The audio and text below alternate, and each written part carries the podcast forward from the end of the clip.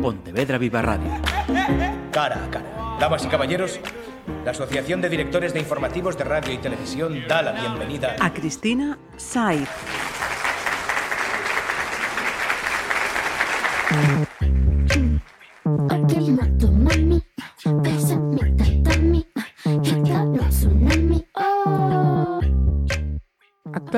Con todo lo que está pasando, que si guerras, que si pandemias, a pesar de estar relativamente tranquila laboral y económicamente, tengo un run run detrás de la oreja que no cesa y que dice que todo se puede desmoronar en cuestión de segundos.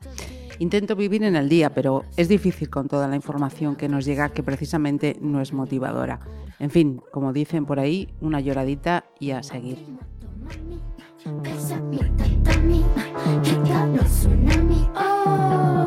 Me he vuelto muy derrotista a todos los niveles. La pandemia me ha resultado mentalmente agotadora. Lo sigue siendo. Las opciones laborales que se me presentan son escasas, mal remuneradas y temporales. Con la carrera finalizada hace apenas un año, la única posibilidad que barajo es la de compaginar un trabajo de pocas horas con algún ciclo máster para así completar lo más posible mi formación. No querría irme de Galicia, por lo que tocará ser optimista, tener claro qué quiero conseguir e ir a por ello. Confío en que no hay mal que 100 años dure.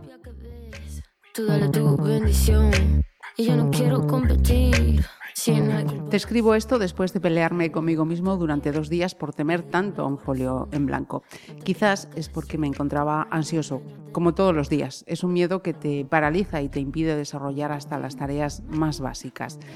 La sensación de que no tengo tiempo para nada es constante. Me hago viejo y todavía no estoy viviendo la vida plena. Parece que vivo en una constante transición. La imagen se parece a un trayecto en tren que circula por un túnel infinito del cual no me puedo bajar y cuyo destino desconozco. Solamente resignarme, recostarme cómodamente en el asiento y decir, vale, no sé a dónde voy ni quién dirige esto, pero tú mandas. Evidentemente sé que me encuentro en una situación privilegiada. No podría hablar en nombre de nadie.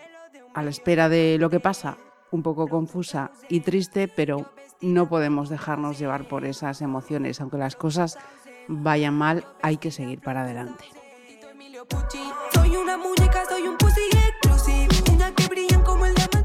En España mal, porque es lo que hay. Dinero aquí para ciencia no hay mucho.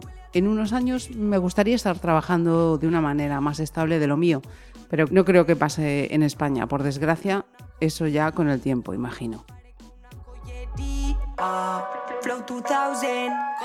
A pesar de vivir en una condición de estabilidad laboral desde hace años, siento que todo lo que estamos viviendo y vamos a vivir es cambiante. No noto una estabilidad lo suficientemente grande como para que me anime a tomar decisiones importantes en la vida.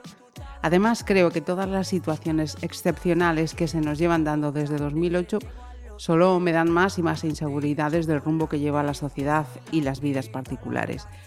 Y sobre todo, la carne, si no viene con patatas, no es lo mismo.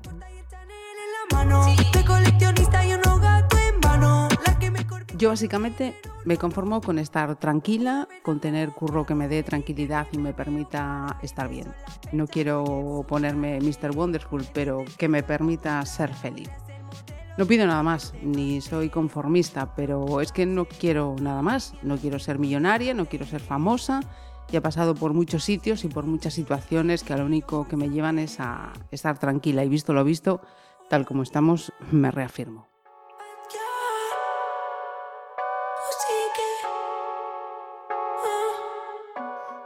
Vivimos en una lucha sin fin.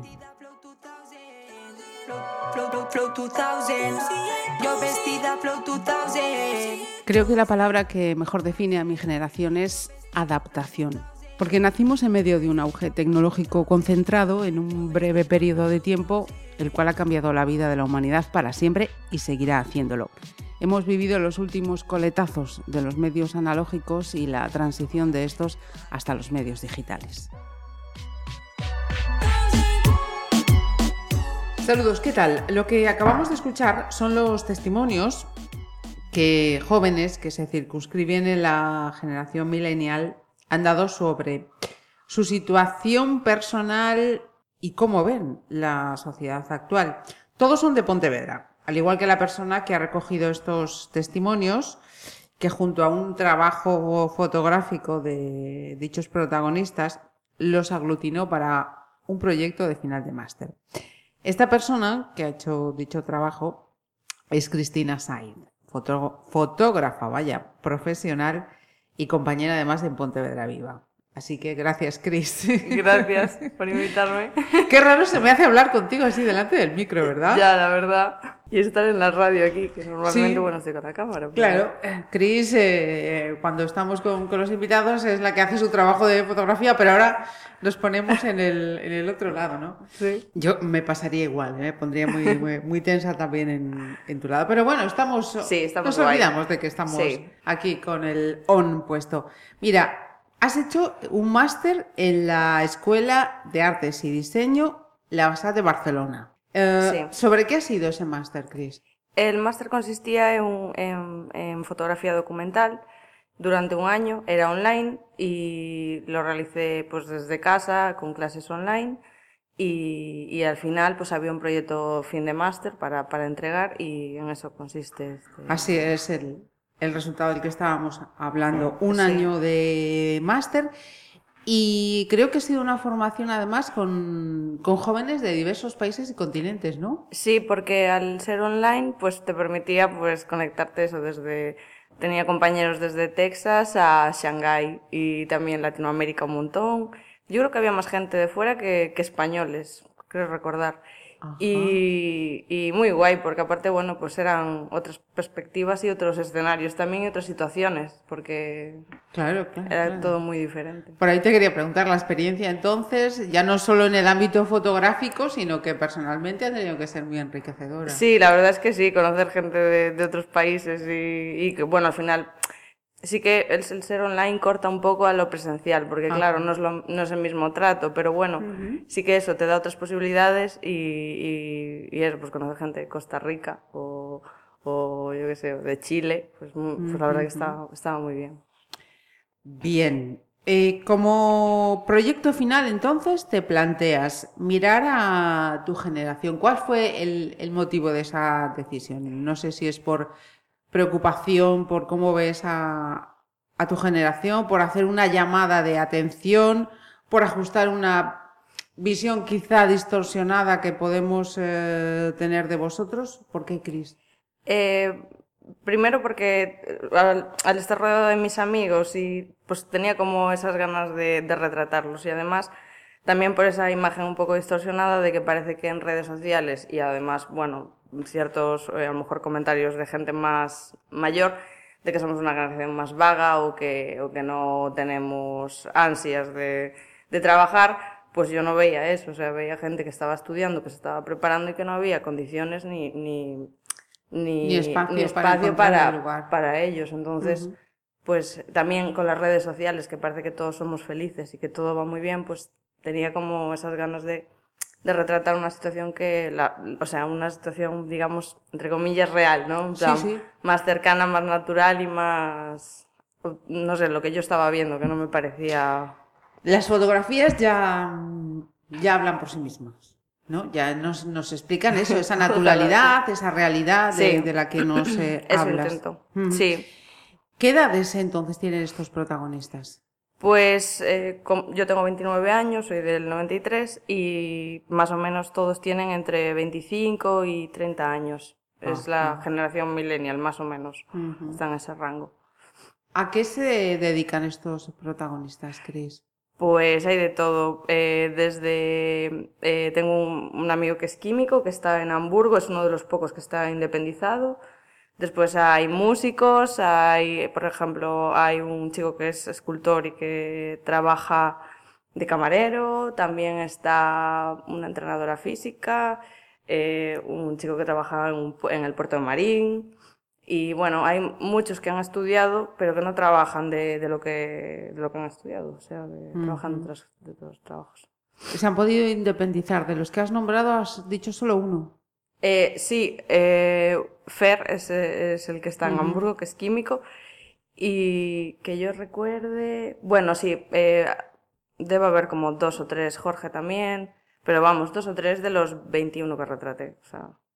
¿Cómo se sienten? Y ya hemos escuchado un avance al, al comenzar este podcast. Eh, pues al final este, este trabajo también es un poco, o sea, es un poco, es autorretrato, porque todas esas voces a mí también me representan. Son al final como que se crea una, un único discurso, porque al final es, es como que están como desamparados y con, como con un peso ahí que algo que, que no va bien. Eso, eso es la sensación que tengo cuando hablo con todo el mundo, de que algo que no, no hay futuro, que no hay como una ilusión. La desilusión es algo que, que no quiero victimizar a nadie, no es, no es la idea, sino es que es, es esa la situación que hay, que es que hay como una nube gris ahí encima de todos, como que no vemos que podamos arrancar y tener un futuro Digno. digno, porque es que no, no estamos pidiendo ser aquí millonarios ni nada, sino independizarse, trabajar y todo, no sé, normal, vamos. Sí, sí. Tener una fuente de recursos suficiente pues, para llevar una vida normal, como dices, sin... Hombre, Sí. a todos nos gustaría vivir Claro, pero- estupendamente bien y sin tener que preocuparse cada mañana por qué va a pasar el mes que viene. Sí. Pero bueno, tener esa, tra- esa tranquilidad de Claro. que... Y esa oportunidad, porque es que ni la hay. O sea, Claro. al final no. Ujú.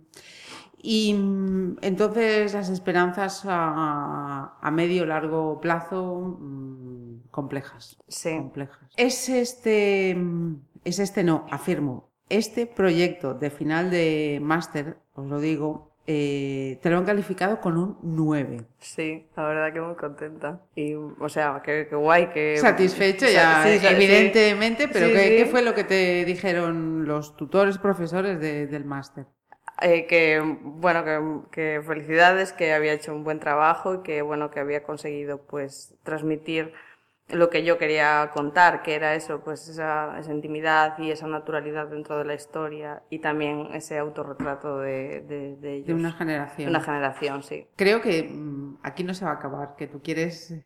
Sí, eh, me, me encanta. O sea, eso también me lo dijeron, mi tutor me lo dijo, Tonia Mengual se llama, que, que tenía una responsabilidad de llevar este trabajo, porque ya que la gente se abrió, se abrió a mí y me abrió sus casas, porque este trabajo Claro. en sus casas, y pues que ahora tengo que, que darles voz y, y- y difundirlo. Entonces, eh, me gustaría hacer un fotolibro, una exposición también me gustaría hacer. Ajá. Y bueno, pero aún estoy, como lo acabo de terminar ahora mismo, como que aún tengo que arreglar cosillas y tal, aún está un poco Procesando. procesándose, sí, y nada, pero sí, tengo que sacarlo adelante. Em, fíjate, con eso que, que decías de seguir ampliándolo y llevarlo a, a ese punto, esos testimonios que escuchábamos, eh, Cristina los ha juntado a esas fotografías, fotografías que además has hecho en digital y analógico, ¿no? Vosotros que sois una generación digital, no te has olvidado de lo analógico. No, es que yo vivo un poco así a mi bola. Eh, tengo una cámara de medio formato, que es una cámara que utiliza una película más grande de la normal, que se utilizaba normalmente.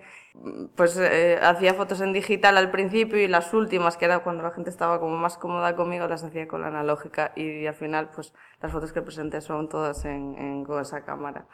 Y, y nada, la gente se queda un poco así impresionado de ¿qué, andas, qué haces con esto, ¿sabes? Porque claro, un poco ya No, pasado. ponerte pero- delante del móvil no Claro, cuesta nada, ¿no? Pero claro. ponerte delante de la cámara Sí. de toda la vida es otro rollo. es, es otro rollo, efectivamente. Damos fe a diario, ¿verdad? De lo que cuesta que la gente se ponga a, a posar, en, en definitiva. Precisamente cuando tú has hecho esas eh, fotografías, que, mm, ¿cómo has sido? O sea, has aprovechado, pues eso, en momentos que puedes tener con, con estos amigos, compañeros de generaciones, has dicho, no, vamos a este sitio o en tu casa, que, ¿cómo, cómo, qué has buscado? ¿Cómo, Pues cómo al- ha sido? Al, al principio me centraba en, en su casa porque veía que era una- un, un lugar donde ellos se sentían cómodos y me gusta mucho pues porque como que tenía como unos retratos así un poco, un poco pictóricos y entonces como quería un poca luz y un poco así dramático, entonces me apetecía ya en sus casas que sabía que se iban a sentir cómodos. Después, por variar un poco, también escogí lugares en exterior donde, donde podían también, donde podían ir normalmente y donde conocían. Y sí que a veces lo intentaba, por ejemplo, cogerlos después de trabajar, porque tenía, estaban cansados y se notaba pues ese rostro más, no ahí recién duchados, guapos y Maqueados y maqueados. listos para No. ponerse en un selfie. Claro. Eso no. yo quería algo más real, ¿no? De tu día a día, que llegas a casa y que estás agotado y, esa cara ¿no? de, de casación. Pues eh, las fotografías hablan, hablan por sí solas, desde luego.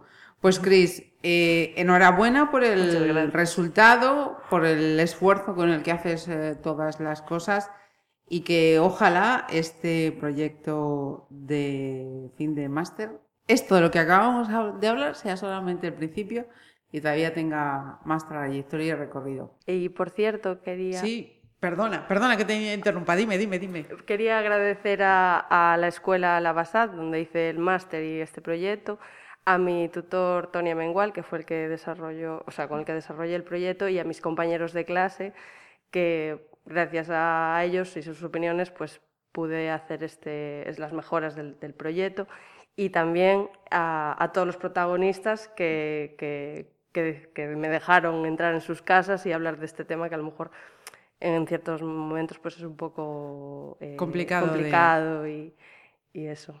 Que muchas gracias. Pues era de justicia, por supuesto.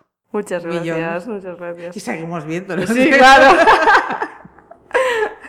Pontevedra Viva Radio. ¿Me permiten que les haga un comentario como espectadores del programa Cara a Cara?